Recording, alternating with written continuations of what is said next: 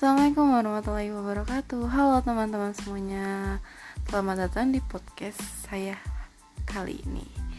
Nah, podcast di episode 7 ini Lebih ke pendapat seperti episode keempat dan kelima. Jangan lupa didengerin ya.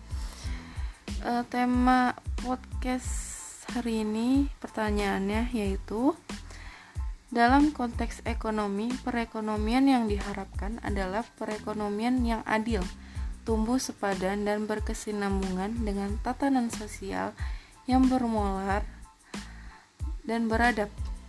Coba perhatikan lingkungan sekitar Anda. Dari keempat hal yang telah disebutkan, kegiatan ekonomi apa yang mencirikan masing-masing jati diri ekonomi Islam? Jadi kita di sini disuruh perhatikan lingkungan sekitar kita. Nah, jawaban dari aku, dari saya adalah uh, contohnya yaitu kafe syariah bisnis yang satu ini juga banyak dijalankan di Indonesia ya kan.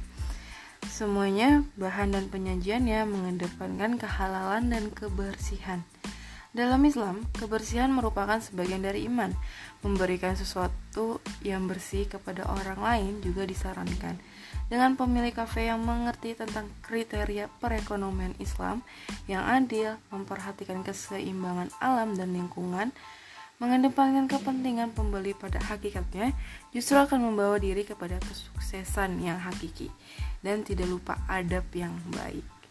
Jadi itu pendapat saya di episode kali ini. Mungkin segitu aja. Eh, sekian dari saya. Wassalamualaikum warahmatullahi wabarakatuh.